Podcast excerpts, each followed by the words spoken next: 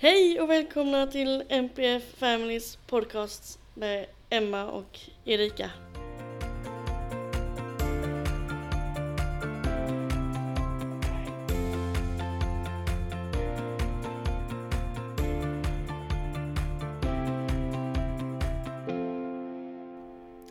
Vad ska vi prata om i dagens avsnitt? Selektiv ätvilja och vår... 2.0. Ja, precis.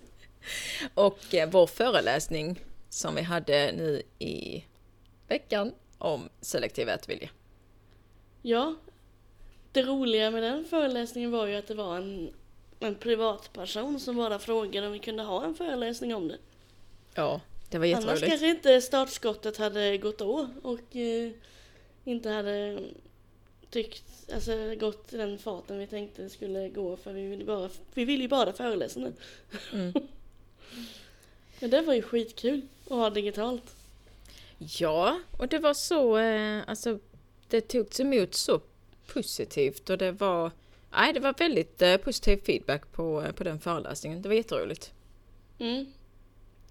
Det kan ju vara lite spännande att ha digitalt. Det är nog ingen, många har nog inte haft det utan det är IRL som gäller men eh, det var väldigt kul och bra och eh, ha en föreläsning digitalt.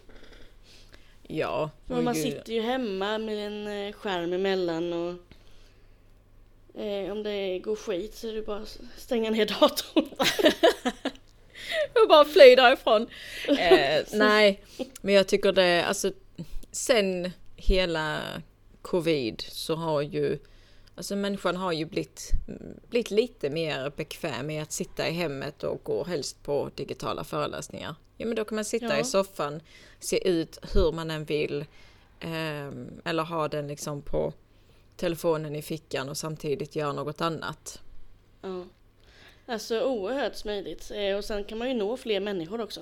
Ja. Om man ska ha en i en stad, då blir det liksom bara specifikt för den staden. Ja. Jo men det Här är kan man ju. nå hela Sverige. Ja. Jo men sen samtidigt så kan man ju, även om man har en föreläsning så kan man ju spela in den också. Eh, Mm. I fysisk form. Men, men just nu så är det nog eh, många som vill ha digitala föreläsningar. Ja, och det... Det gav mig verkligen mer smak och verkligen... Eh, jag tänkte att jag skulle vara nerv- nervös, men det var jag inte. Det är klart jag hade en liten oroskänsla i magen över hur det ska tas emot. Men eh, nu har jag kommit över den tröskeln att jag skiter fullständigt i vad folk tycker. Och eh, jag är så, vi är så säkra på det vi ska säga. Som vi sa i ett annat poddavsnitt att vi är ju självsäkra och vi har ju den kompetensen som krävs för att kunna ha en föreläsning. Vi Ja. läser ju inte till ett papper utan vi har ju liksom konkreta exempel och vi vet eh, vad vi ska säga.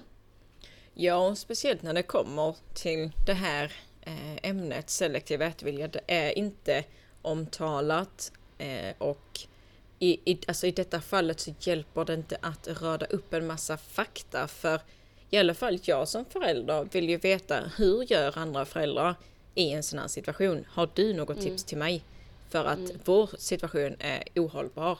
Eller att ja men förra veckan så så tyckte hen om korv, idag så är det bara köttbullar. Alltså hur man ska göra och hantera situationen som förälder.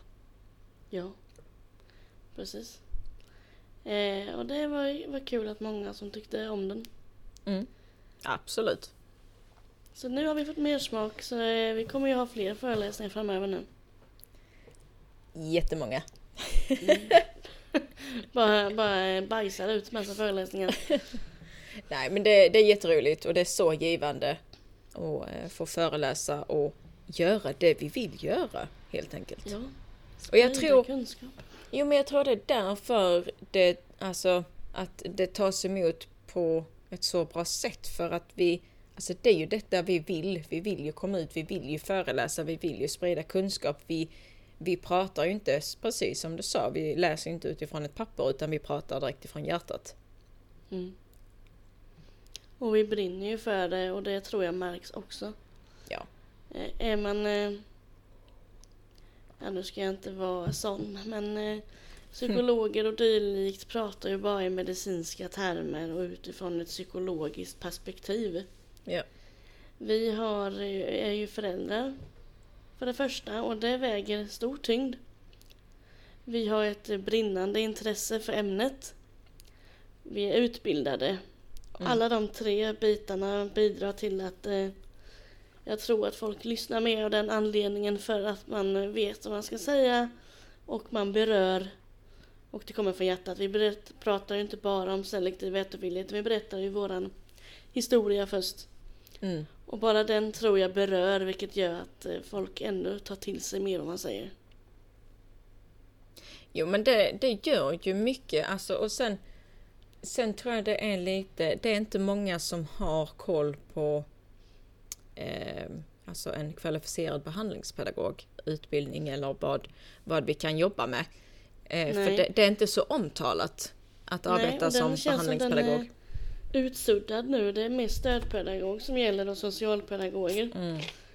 Jag vet knappt någon som presenterar sig som behandlingspedagog längre, vilket är tråkigt för det är ju en otroligt bred och bra utbildning.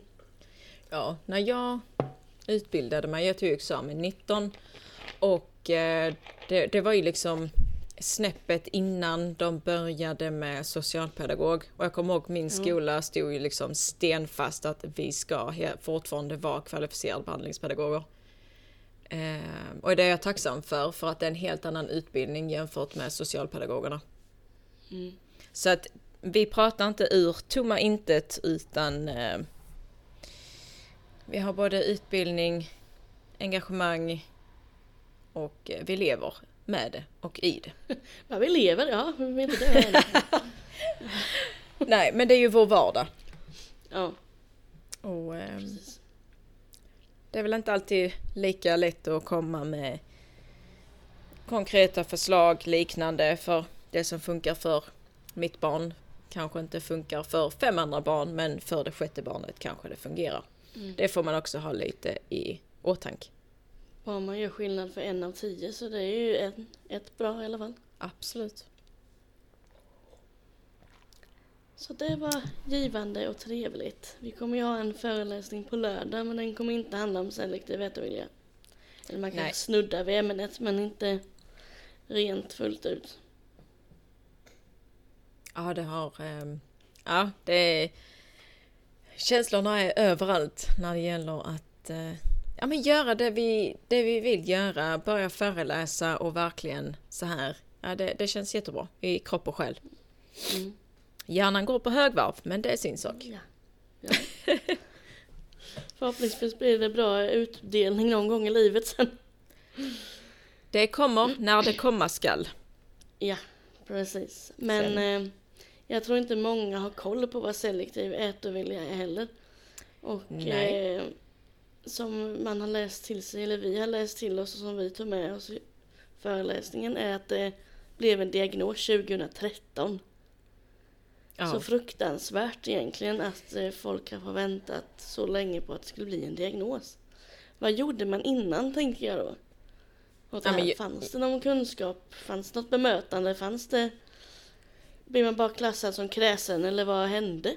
Ja men precis, alltså bara det här att det handlar inte om att barnet är kräset när det gäller eh, selektiv ätvilja. Barnet är inte kräset och det är ju det är säkerligen det de har utgått ifrån då fram Mm. till 2013 att ja men barnet är bara kräset. Mm. Stackars barn sa jag bara. Ja. Och jag tackar för att Bollnäs kom med en idé att eh, alltid servera makaroner och köttbullar. Mm. Eh, för att alla i princip äter alltid makaroner och köttbullar så man får den mat och näring man behöver i skolan. Så det borde fler ta efter. Då finns det ju andra maträtter naturligtvis och inte bara den. Men för de som har svårare med maten, ha det som alternativ. Och eh, jag tycker man ska sluta haka upp sig på att då, varför äter du bara en rätt? Du Ja. måste ju öka det lite. Eller vidga dina vyer. Bara varför då? För vems skull? Tycker man om en maträtt så ät den. Men där fallerar ju hela barnperspektivet och Mm. alltså barnens självbestämmande rätt. Precis. De har ju faktiskt rätt att, alltså att bestämma själva. Eh, och när det kommer till just selektiv ätvilja, låt dem äta det de vill Mm. äta. Mm. För konsekvenserna utav att påtvinga annan mat kan bli horribla. Ja. Det kan ju leda till att ett barn slutar äta helt och att Mm. det blir en, en sond eller en knapp på magen Mm. till slut för att man har pressat och stressat så mycket med mat. Mm. Och jag tror Eh, där, där, där brister kunskapen eh, enormt att ja men det är väl klart de ska, de ska smaka. Nej. För, för en annan så är det ju en självklarhet att ja men vill du äta spagetti och köttfärssås sju dagar i veckan då är det det du ska få göra, bara du äter. Ehm, och hade skolorna, eller vilka instanser det nu än är, hade de haft den här kunskapen att okej, vi har ett barn med selektiv ätvilja, eh, då har vi en handlingsplan för detta och det kommer att se ut si och så. mm. Väldigt enkelt. Jag anser inte att man behöver göra det till, alltså till ett problemmoment, så att säga. Utan att man ska ju hantera det som, alltså som vad som helst kan jag tycka. Mm. Om man ska dra lite kort vad eh, selektiv ätvilja är så är det ju en sorts ätstörning fast inte kopplat till kroppsform och viktminskning. Nej. Det handlar ju inte alls om hur man ser ut utan det handlar enbart om hur smak, smaken, hur maten luktar, smakar och hur konsistensen är. Och det är Mm. tre faktorer som är medfödda. Eh, så har man selektiv ätvilja så kan det vara jättesvårt för det här barnet. Är- nu behöver det inte bara vara ett barn. Vuxna har ju också selektiv ätvilja. Att gå in på en restaurang. Det är otroligt mycket olika dofter. Och det kan bli svårt att äta. Man kan till och med spy av en doft för att det, tycker, för att det inte passar. Och det kan ju liksom drabba en familj eller en vänskapskrets, krets, krets, vänskapskrets om man ska gå ut och äta tillsammans. För att den personen har svårt för maten. Ja, och det, och det är ju kopplat till sensorisk överkänslighet just när det kommer Mm. till både lukt, smak och konsistensen. Mm, Ehm, och det är ju den här vanliga frasen man använder att det växer i munnen. Om ett barn Ja. med selektiv ätvilja får in en annan konsistens i munnen som faktiskt kan göra att barnet kräker upp det. Ja. Jag eh, frågade en... Eh, jag jobbade med tre pojkar för några år sedan. Och han skulle förklara hur det känns att äta kött. Mm. Han förklarade det som att det är som studsbollar i munnen. Usch, fy. Att det bara studsar runt i munnen Mm. och det är ju konsistensen och det är väldigt vanligt att människor med autism inte gillar kött av den anledningen för det är väldigt svår konsistens. Mm. Och sen eh, är det ju begränsat urval av livsmedel. Att man äter bara vissa sorter. Det kan bara vara pasta. I Liams fall så är det mycket kolhydrater. Väldigt mycket bröd, mycket pasta. Köttbullar äter han också. Nu är det kött på ett annat plan. Men köttbullar och nuggets och sådana maträtter går ner. Spagetti och köttfärssås är också någonting. Mm. Men han är ju de få barn som har blivit bättre med mat. Han fick ju en medicin. Nu har ju inte det med den att göra men eh, han fick en ADHD-medicin mot hyperaktivitet. Mm. Och den kunde ge ökad hunger och det har vi märkt. Han äter så mycket. Nu är det inte så mycket av varje grej, alltså mycket av mycket utan mycket av lite. Om man förstår vad jag menar. Ja. Jo men det är ju fantastiskt bara det. Alltså att Mm. en liten alltså medicin mot något helt annat kan Mm. hjälpa till eh, med maten. För det vet jag Ja. ju. Stor skillnad är det. Ja men det är som vi är inne i en period nu med eh, Andrea. Hon äter väldigt lite av väldigt lite. Det har liksom dragits ihop eh, till minimum. Ehm, och det vet jag ju, hon äter ju väldigt, eh, det ska helst vara ljus mat, vit mat. Så hon Mm. äter ju liksom ris. Ehm, idag så ville hon ju inte ha potatis till exempel utan då fick jag ju eh, koka ris. Um, Spagetti och köttfärssås äter hon. Eh, något som hon också äter det är köttfärslimpa med sås och potatis. De två rätterna är som hon kan äta med sås så att säga. Men då är det ju att innan maten serveras då måste jag alltså mixa, alltså trycka ner det och sen liksom blanda det så att det är samma färg som spagetti och köttfärssås. Mm. Då funkar det, för då är det liksom, det är väldigt eh, inrutat när det gäller färgen på maten. Mm. Så att, men annars så, sås och sånt, eh, det, det funkar ju oftast inte. Ibland ketchup och liknande, men det är väldigt, väldigt lite. Och just det här att ena dagen så kan hon tycka om att äta korv till exempel. Och sen så bara någon dag senare, nej jag äter inte korv. Och då, hon äter inte korv. Skulle hon få korv med bröd, då äter hon bara brödet. Mm. Det spelar ingen roll för att hon äter inte. Det är så spännande med korv och bröd och hamburgare här för det är ju uppdelat. Vi får lägga korvbrödet där. Ja. Vi får lägga korven på ett annat ställe och ketchupen på ett annat ställe. Mm. Och hamburgarna får man dela upp så att eh, hamburgaren ligger, alltså köttet, ligger på ett ställe i stavar typ. Och sen ligger brödet där och så tillbehör runt om. Det är samma med tacos, olika högar så. För, ät, för han skulle aldrig få för sig att äta en hamburgare som den ser ut alltså. För det är ju mycket som är där i och man vet inte vad det är där i. Och de vill ju ha koll för det handlar ju om att eh, ha kontrollbehov över mat. Mm. Ja, och det kan jag när vi åker iväg. Jag har ju, jag har ju alltid med mig eh, spagetti och köttfärssås. Eh, jag har alltid spagetti och köttfärssås infruset i eh, små portioner. Men just det här att... Ja, men för jag vet om att det, det går alltid hem. Eh, hon äter alltid det och senast när vi var på sommarfesten i, hos min farmor då i somras. Jag hade med mig spagetti och köttfärssås för att Alltså minsta lilla, jag vill ändå ha planerat för jag vill att hon ska äta. Och är det någonting Ja. hon inte äter, då äter hon inte alls. Mm. Och det är lite det man måste förstå med selektiv ätovilja och att vara kräsen. Ett barn som är kräsen äter till slut för att de är Mm. hungriga. Men ett barn med selektiv ätovilja, de äter inte det Nej. som de inte vill äta.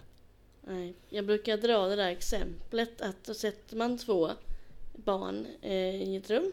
En som har selektiv ätvilja och ett barn som är väldigt kräset. Och ger en mat som de båda inte tycker om. Eh, till slut så kommer det kräsna barnet att äta. Medan det andra barnet som har selektiv ätvilja hellre väljer att svälta sig själv. Än att Ja. äta den här maten. Där Ja. är skillnaden och det är där många eh, fallerar, eller fallerar. Det är där många inte vet. Och där är många som, som behöver den kunskapen och förståelsen, särskilt i förskolan och skolan. Där man Ja. behöver mat och näring för att orka. Men absolut, och det, det håller jag verkligen med om att kunskapen om selektiv ätovilja, den måste spridas. Och speciellt till förskolor, skolor, eh, fritidshem, vad det nu än är där barn befinner sig och behöver äta. Att Mm. förstå vad det innebär för barnet. Utgå ifrån ett barnperspektiv, förstå barnet och liksom låt barnet bibehålla kontrollen. För att Mm. om man kollar i så många andra sammanhang så arbetar föräldrar eller andra personal, människor runt omkring barnet, arbetar ju med att barnet ska bibehålla kontrollen så länge det bara går. Och tappar de kontrollen så måste man arbeta vägledande för att barnet ska återfå kontrollen.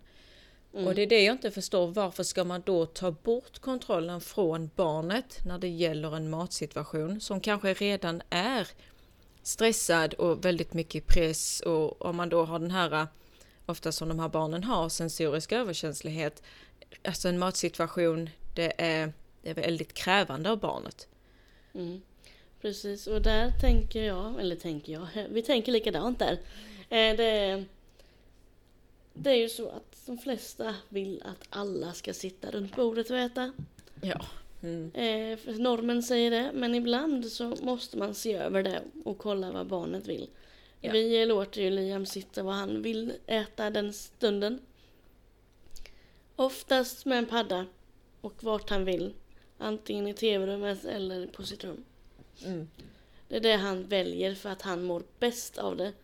Om vi skulle tvinga han att sitta här då skulle han inte äta. Precis. Eh, så det är mitt största tips till er där ute. Eh, låt barnet äta vart den vill, vad den vill och ha en padda. För huvudsaken är att den äter, för det är det viktigaste. Ja, sen ska man inte glömma att prata om att de ska få äta hur de vill. För Ja, att det vet jag ju precis. många gånger, Andrea hon Många gånger så äter hon utan bestick. Eller så vill Ja, hon ha. Eller så har hon eh, plastbestick. Men Mm. många gånger så vill hon äta med fingrarna och för mig, jag bryr mig inte för att för mig är det viktigaste att mitt barn får i sig mat. Och vill hon då äta sitt ris med fingrarna, sin pasta med fingrarna, sin eh, kyckling med fingrarna, ja då får hon göra det. För jag ser att hon är väldigt nöjd och att hon Mm. verkligen njuter av att kunna få äta på sitt Mm. sätt. Mm. Varför ska man då som vuxen gå in och bryta och förklara för barnet att det är fel? Men utifrån vem? Och hur och vad och när är det fel? Varför ska en vuxen gå in och trampa hos barnet på det viset? Nej. Jag har jobbat som elevassistent några gånger. Och en gång så blev det med en kille som hade selektiv ätovilja. Han hade eh, också en knapp på magen, men han åt också. Han åt bara eh, potatis och brunsås. Mm. I ett rum tillsammans med mig. Med eh, en padda. Mm. Eh, och eh, det var många som hade delade meningar om det här. Att jag skulle prova utan padda. Och prova något annat helt enkelt. Jag gjorde det en gång för att testa men då åt han inte alls. Då bara sprang han ut och lekte på rasten istället. Mm. Så sen den gången tänkte jag nej, det ska vara så här. Han ska sitta här inne med sin padda och jag ska eh, sonda samtidigt. Eh, för det är hans, eh, hans sätt att äta och hantera det på. Mm. Och sen vad andra har för åsikter, det skulle jag skita i nu. Utan det är bara vad det barnet behöver och vill. Mm. Jag har testat det en gång hemma för att se ehm, liksom lite hur, hur det utspelar sig. Och jag kan säga, då sa jag bara till Andrea att du får inte äta, alltså du får inte ha din padda. Eh, och jag kan säga det är första och sista gången jag någonsin kommer säga till henne att hon inte får ha paddan. Det slutade i ett vredesutbrott alltså. Mm. Hon Ja, föste iväg hela bordet och det, det var liksom Alltså jag önskar att fler personer hade förstått reaktionen som uppstår hos barnet. Ehm, och i de här fallen, alltså det, man hade ju velat någonstans kunna eh, visa det här scenariet för att få förskola, skola, fritids, vilka instanser det nu än är, förstå hur illa barnet faktiskt far av att Mm. inte få ha det på sitt sätt. Mm. Nej, det är... Nej, man ska verkligen lyssna och ta till sig. Jag vet att eh, det var en NPF-grupp på Facebook som eh, var igång och pratade om det här. Eh, och den här mamman ville bara ha tips på massa maträtter. Men alla i kommentarsfältet skrev bara Ät, ge mat som barnet vill ha. Men den här eh, mamman var, hade ju inte accepterat situationen. Mm. Eh, så hon bara, men jag vill ha alltså, tips på mat. Jag vill ju bara ge barnen mat. Måste ju äta varierat. Och alla i kommentarerna, nej, tänk på barnet. Är det en maträtt som gäller, ge en maträtt. Mm. Men eh, ibland tas det fel och ibland eh, vill man ju inte annat än förälder att man ska äta olika Mm. maträtter. Men varför? För vems skull? För att normen säger att man ska äta varierat. Ja men precis och jag har ju lyft detta med med min dotters eh, sjuksköterska på barnhabiliteringen. Och vi har ju eh, pratat om detta i så många, i så många år nu. Eh, och vi lyfter det och för Andrea går ju på invägning så att hon vägs och blir liksom mätt eh, x antal gånger per år. Och eh, varje gång så pratar vi om hur det går med maten och ja, vad äter hon nu, vad äter hon inte nu och ja, så vad jag gör som förälder. Och, eh, och det sa hon från första början än idag, även om har pratat om detta i så många år, så är hon fortfarande samma mening att hon ska äta det hon vill äta. Ja. Så att det, det, är ju, det, det är ju liksom någonting som borde lyftas ännu mer. Låt barnet äta det barnet vill äta. Och det som hon sa, att det spelar ingen roll om det skulle vara Nutella-macka varje morgon eller varje kväll. Hon ska äta det hon ska äta. Sen finns det såklart till exempel tandläkare, läkare, eh, som menar på att ja, men det är inte bra att äta för mycket av det. Nej, men det är detta mitt barn äter och äter hon inte detta, då äter hon ingenting alls. Vilket är bäst? Så att jag förstår ju att olika vårdinstanser har ju olika synpunkter på att barn ska äta det de vill äta. Mm. Men jag sen samtidigt... en tandläkare och säger det så... ja men precis, var nästan så jag fick onda ögat där ett bra tag. men jag menar, mitt barns hälsa går ju före en, en tandläkares synpunkt. Mm. För att någonstans så måste man se återigen utifrån ett barnperspektiv och barnets mm. mående. Barnet måste äta. Och sen är det inte så lätt att hitta andra maträtter. Till exempel som, som då när Andreas slutade äta korv och då kunde hon äta antingen eh, pasta, men då var det bara de här små pasta, eh, små makaronerna. Det fick inte vara någon annan eh, storlek på dem, ingen annan form, utan det skulle vara de små. Det eller spaghetti. Och så hade hon det till korv. Eh, och sen då helt plötsligt så eh, slutade hon äta korv. Och då tänkte jag att hur ska jag nu kunna introducera något annat till hennes spaghetti då? Och jag tänkte bara, jaha, nej men då får jag liksom försöka med till exempel köttbullar. Men då lät jag henne att fortsätta äta spaghetti. Då fick hon äta det tills hon kände att ja men okej, jag, jag vill nog ha en köttbulle. För att då var det att då stod köttbulle alltså alltid på bordet när vi åt. Och då var mm. det att till sist så liksom så tog hon en köttbulle och smakade på den och sen blev det att hon åt makaroner eller spaghetti och köttbullar. Så någonstans måste man tillåta barnet att bibehålla kontrollen, ta kontrollen över situationen och själv bestämma idag vill jag testa en köttbulle. Mm. Jag tycker det är jätteviktigt för att vi som vuxna, vi som föräldrar, vi får inte göra de övertrampen när det kommer till barnen. För jag menar, vi pratar ju så mycket i samhället generellt att vuxna inte ska göra övertramp när det gäller barn. Nej, det gäller även i de här situationerna. Vi får inte göra övertramp som vuxna. Nej, absolut inte.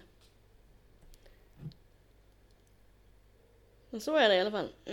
Men eh, det kan ju finnas, det finns orsaker till varför man får selektiv ätovilja, även om det inte är helt fastställt. Man kan ju födas med det som sagt och då är det på grund av lukt, smak och konsistens. Men sen finns det ju även andra orsaker som gör att man får selektiv ätovilja. Och det är en stark rädsla att man kan få ont i magen om eh, man minns någon maträtt och eh, som har gett en magont. Eller de flesta mag, äh, magrätter.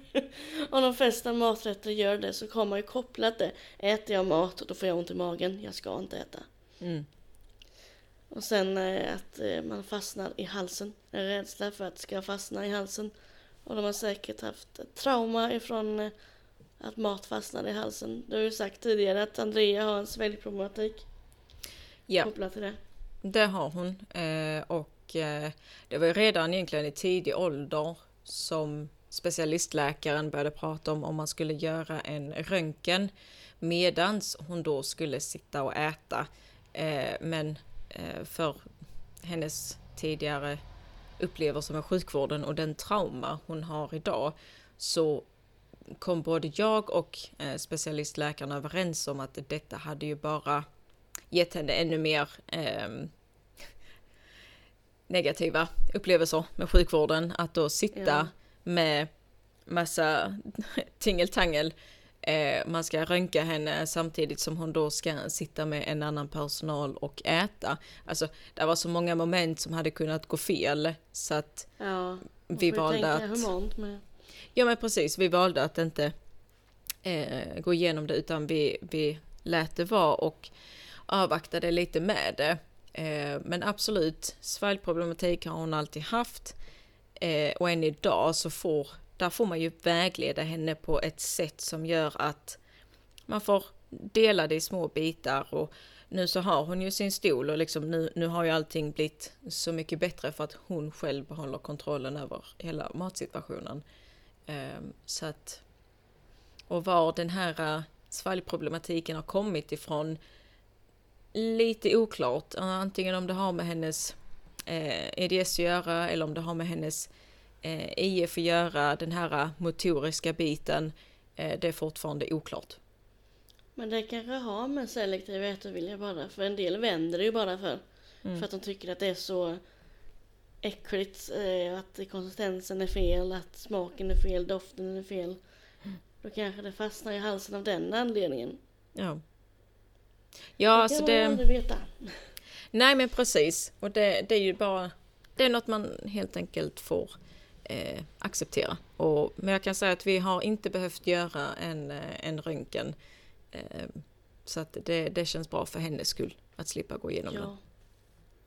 Ja, man ska ju, behöver ju inte göra allt som man behöver göra, eller på att säga. De får ju vara i Nej. fred ibland.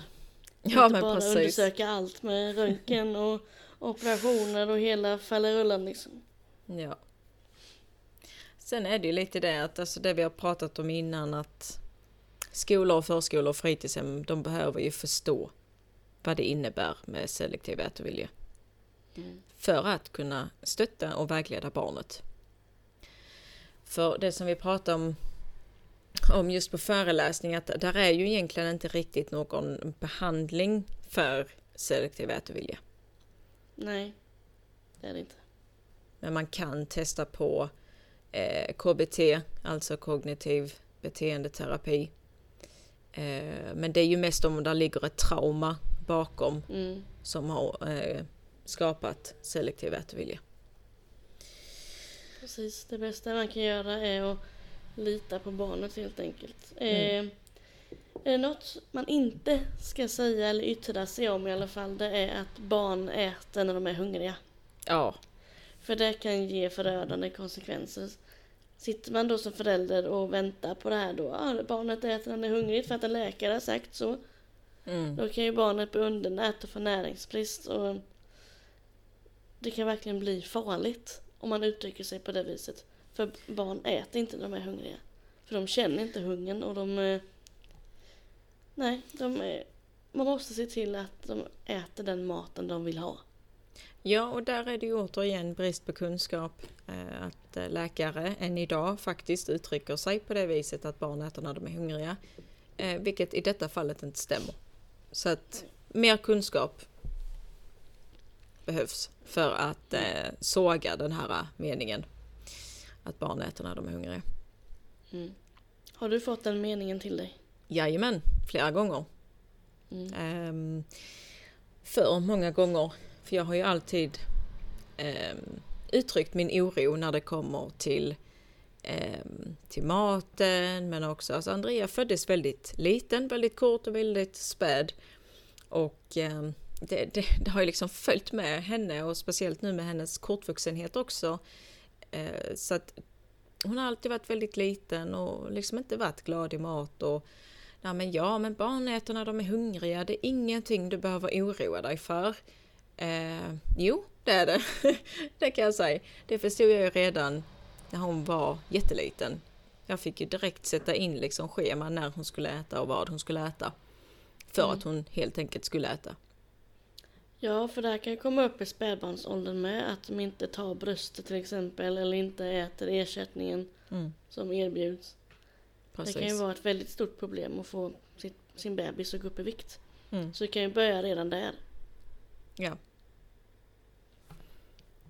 Så att nej, den där meningen behöver försvinna. Definitivt. Definitivt. Mm. Sen vet Men- jag inte vad man kan säga mer om den här. Om, mer om selektiv ätovilja. Det är ju ett väldigt fint namn på den ändå. Ätovilja. Ja, precis. När fick du nys om denna, att det fanns? Var det innan dina barn kom till världen eller var det innan? Ehm, Kommer du ihåg nej, jag lärde mig... eh, det var när vi var kopplade till... Ska vi se här. An, ja, vi blev ju kopplade till både BUP och barnhabiliteringen så tidigt. Eh, så att det är ju via BUP och barnhabiliteringen, eller mer barnhabiliteringen, där jag fick... Eh, alltså att... Ja, där jag, där jag lärde mig vad det var och eh, vad det innebar. Mm. Så att ja, jo men det barnhabiliteringen skulle jag nog säga. Ja, jag fick eh, nys om den första gången på Facebook faktiskt. För det var, jag tror det var en gravidgrupp. Eh, när Vilma var bebis, 2015. Eh, då la en förälder upp en video på sitt barn när den skulle äta. Den kanske var åtta månader kanske. Mm. Och den ville absolut inte. Den försökte verkligen. Eh, men hon eh, ta huvudet åt andra hållet och bara grät när hon fick, så fort hon fick syn på maten. Och då hade en läkare redan sagt till dem att hon har selektiv ätovilja. För hon har inte gått upp i vikt. Hon är känslig för så fort hon fick in mat i munnen så spydde hon upp den direkt. Liksom.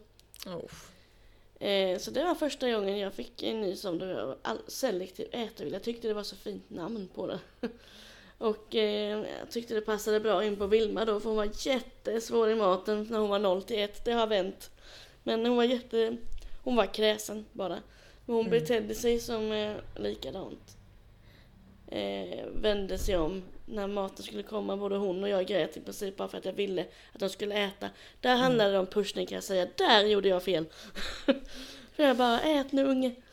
Eh, du måste äta annars så blir... Ja. Så jag kan förstå andra också att man vill att sitt barn ska äta. Men jag har ju verkligen chillat på den fronten. Ja men det är väl klart Hon man började ju äta när jag lugnade ner mig. Ja. Typ i två, tre åldern. ja men det är väl klart. Eliam istället. Ja. Jo men det är väl klart man vill att sina barn ska äta, att de ska må bra. Eh, och allt det här. Det, det är ju... Alltså det vill ju alla, alla föräldrar liksom. Mm. Eh, Men sen eftersom det inte är så omtalat så är det ju inte många inom sjukvården som vet vad det är heller. Och då är det Mm. klart liksom att hur ska de då kunna stötta en förälder eller till exempel BVC? Hur ska de då kunna stötta en förälder? Barnet äter inte, barnet bara skriker. Alltså, det blir ju så svårt att kunna hjälpa och stötta sitt barn när man, när man som vuxen inte kan få den stöttningen ifrån sjukvården. Ja, BVC, jag har ju tre barn. Eh, Jag tror de har pratat om exakt samma grejer på alla tre barn. Ja. Visat samma bild på hur de ska äta och allt möjligt. Bara, åh herregud. Det var ingen utveckling här. Nej, Eh, Men innan vi avrundar eller vad vi tänker göra så eh, När jag ska ge Liam en macka Han äter ju bara med smör på Så var det någon som kommenterade Ska lägga på en skinka och ost med Jag bara för vems skull? Ja. Han äter ju inte mackan heller då om jag lägger på en skinka eller en ost. Nej men det ser så mycket bättre ut. Jaha, okej. Så man ska lägga på en skinka eller en ostbit för att det ska se bra ut? Inte för att barnet ska Men- kunna äta, men Nej, det ska bara det se ska bra bara ut. se bra ut. Ja. Ja. Jag Nej, bara, Okej, ja det var... Så tänker du ja. ja. Och det, det tycker jag är jättesynd att det fortfarande är så att det, alltså att det här det ska se bra ut. Men jag menar, alltså egentligen som förälder i, i det här, eh, det vet jag ju med, med Andrea morgon och kväll så får hon liksom eh, extra kaloribomb bara för att. Eh, för att jag vill liksom hjälpa till lite och, och hon tycker om det och ja. Men annars är det ju barnet ska äta det barnet vill äta. Och vill man inte ha en skinkbit på ostbit eller vad det nu än är. De kanske inte ens vill ha smör. Man kanske bara vill ha en smörgås eller ett knäckebröd. Ja, ja men låt barnet äta. Det behöver inte se bra ut. Men Nej. en annan sak vi också kanske ska ta en lyfta när det gäller när det kommer till mitt favoritämne, sensorisk överkänslighet. Eh. ja, alla vet nog att det är ditt favoritämne. ja, jag tror det va. jag, brinner, jag brinner för, eh, för, den, för det ämnet. Men det är just att anpassa miljön för barnet utifrån ja. den sensoriska överkänsligheten. Det är också jätteviktigt. Det spelar jättestor roll eh, när det kommer till matsituationer. Mer än vad man tror. Jajamän. Det kan vara jättesvårt till exempel att åka på ett kalas. Ja. En restaurang. Eller ja. bara, bara gå in på till exempel McDonalds. Det vet jag ju, det, det kan jag ta och dela med mig av att många gånger om vi skulle äta på McDonalds eller köra till McDonalds. Vi sitter i bilen. Ja, vi har aldrig gått in. Det, Dels, det, det handlar dock inte om selektiv ätvilja att vi inte har gått in. Utan det handlar mest om bekvämlighet då. Mm. Att hålla reda på tre ungar som förmodligen inte sitter still. Eh, så då är det bekvämast att sitta i bilen och äta. Ja, nej, i, i vårt fall så handlar det... ja, precis. Nej, där handlar det faktiskt om att i, i bilen är hon tryggast att äta. Hon sitter på sin bilstol liksom. Hon sitter där hon mm. sitter. Mm. Hon vet begränsningen och eh, där är inga onödiga människor som springer runt omkring, där är inte pipande ljud, där är inte blinkande lampor. Vet, där är ingenting. Nej, precis. Det är mycket uh, intryck det handlar om. Ja, och som jag har pratat om innan så har Andrea väldigt, alltså hon har mycket sensorisk överkänslighet när det gäller eh, det mesta av det mesta. Så att, att sitta i bilen är ju det enklaste sättet för henne att kunna njuta av McDonalds mat. Ja. Och det är något som vi har fått acceptera. Och det är det vi gör varje Nej. gång. Jag tycker det är jättemysigt. Ja, jag tycker med. det. Köpa så... mat och sitta i bilen. Åka ja, men det är så lugnt. utsikt. ja men precis. och äta på. Ja men det är så lugnt och det blir... Ja men vi... Vi, eh, vi njuter av McDonalds på vårt sätt. Precis som vi njuter ja. av allt annat på vårt sätt. Ja. Så... Eh, ja. Nej, så anpassa miljön för barnet, det är A och O. Även när det gäller selektiv ätvilja. Ja. Jag vet inte om vi nämnde i början att vi spelade in vårt, eh, vår föreläsning om selektiv ätvilja som vi gjorde digitalt. Men det har vi gjort i alla fall så förhoppningsvis så är den tillgänglig den här veckan. Ja. Vi ska bara se så tekniken fungerar först och det vet vi ju, det går allt med den saken jämt. Du och jag och teknik, det blir mm. eh, kaos oftast. Eh, mm. Nej, men... Eh, Mycket komplementerar varandra men tekniken fallerar vi på. ja, där fallerar ju faktiskt båda två. Ja, det är ett under att vi kan sitta här och podda utan att ringa massa samtal. Och för sig så var jag tvungen att ringa ett samtal innan. Ja, jag tänkte, ja. Fel inställning. Tänkte precis säga det, nu ska du inte säga för mycket när du faktiskt gjorde ett samtal innan vi började. ja men jag är helt eh, nollad på det här alltså. Ja, det är jag med. Men förhoppningsvis så finns den tillgänglig denna veckan. Mm. Helst Och, idag. Ja, helst igår. Ja, precis, ehm, helst igår. ja. Nej, så för medlemmarna såklart så kommer den ju ligga på vår hemsida Mm. Eh, och kommer alltid ha tillgång till materialet som ligger kvar. Och ja. eh, för icke-medlemmar så kan, eh, vad har vi sagt där? Ska den köpas för en liten slant? Eller de ja, som har... De som... Det har varit mycket ö här. De fick ju betala 99 kronor för mm. att se den. Så andra får helt enkelt betala 99 kronor. Vi har ju Swish nu för tiden. Så de som vill. Vi kommer ju lägga upp den på webbshoppen. Ja, jag tänker med det. Ja, då kan man eh, köpa den där via så får man en, en länk helt enkelt. Ja. Oerhört praktiskt och smidigt om ni frågar mig. Det tycker så jag med. Man, eh, slås två flugor i en smäll. Precis.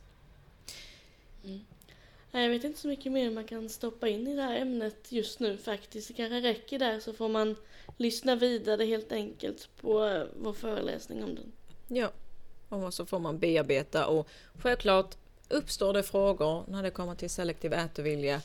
Skicka iväg ett mail, skicka iväg på våra sociala medier så svarar vi på det vi kan när vi kan.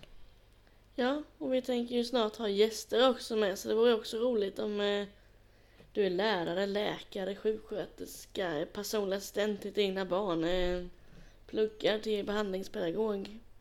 Vad som helst Ja. som har med området att göra. Vi ska bara komma på det bästa sättet te- tekniskt för att reda ut den saken.